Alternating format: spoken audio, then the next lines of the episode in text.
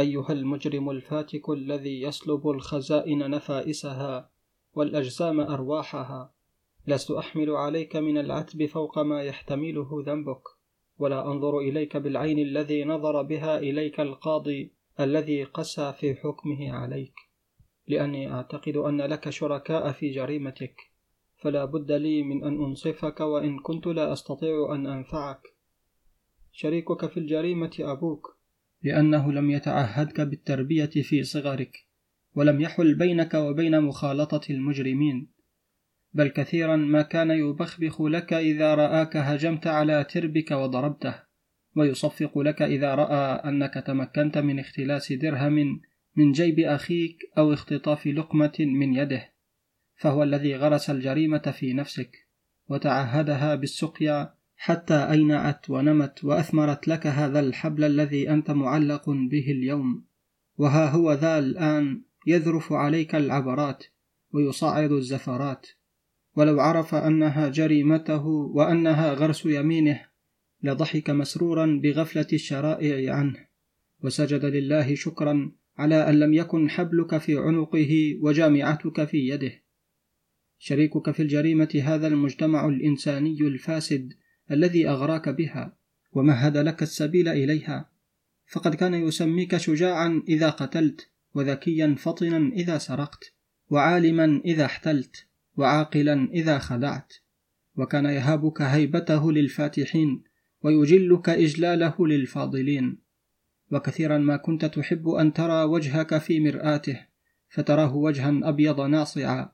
فتتمنى لو دام لك هذا الجمال.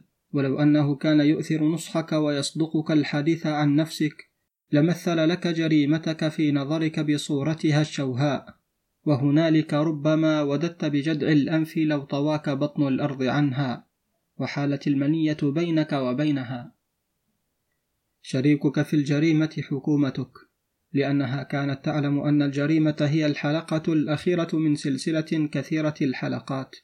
وكانت تراك تمسك بها حلقة حلقة. وتعلم ما سينتهي إليه أمرك. فلا تضرب على يدك ولا تعترض دون سبيلك. ولو أنها فعلت لما اجترمت ولا وصلت إلى ما إليه وصلت. كانت حكومتك تستطيع أن تعلمك وتهذب نفسك وأن تقفل بين يديك أبواب الحانات وأن تحول بينك وبين مخالطة الأشرار بإبعادهم عنك وتشريدهم في مجاهل الأرض ومخارمها وأن تعديك على قتيلك قبل أن يبلغ حقدك عليه مبلغه من نفسك وأن تحسن تأديبك في الصغيرة قبل أن تصل إلى الكبيرة. ولكنها أغفلت أمرك فنامت عنك نوما طويلا حتى إذا فعلت فعلتك استيقظت على صوت صراخ المقتول وشمرت عن ساعدها لتمثل منظرا من مناظر الشجاعة الكاذبة. فاستصرخت جندها واستنصرت أسلحتها وأعدت جذوعها وجلادها وكان كل ما فعلت أنها أعدمتك حياتك. هؤلاء شركاؤك في الجريمة. وأقسم لو كنت قاضيا لأعطيتك من العقوبة على قدر سهمك في الجريمة. وجعلت تلك الجذوع قسمة بينك وبين شركائك. ولكنني لا أستطيع أن أنفعك. فيا أيها القتيل المظلوم رحمة الله عليك. من كتاب النظرات لمصطفى لطفي المنفلوطي. عزيزي متابع قناة كتب وروايات عبد الباري الطشاني. الآن يمكنك دعمنا للاستمرار في تقديم المزيد ولتحسين جودة المحتوى سواء على بيبال أو يمكنك الاشتراك معنا على منصة باتريون التي نشارك فيها معك محتوى حصريا. كما لا تنسى متابعتنا على منصات التواصل الاجتماعي وللاستماع للكتب مباشرة تابع البودكاست الخاص بنا.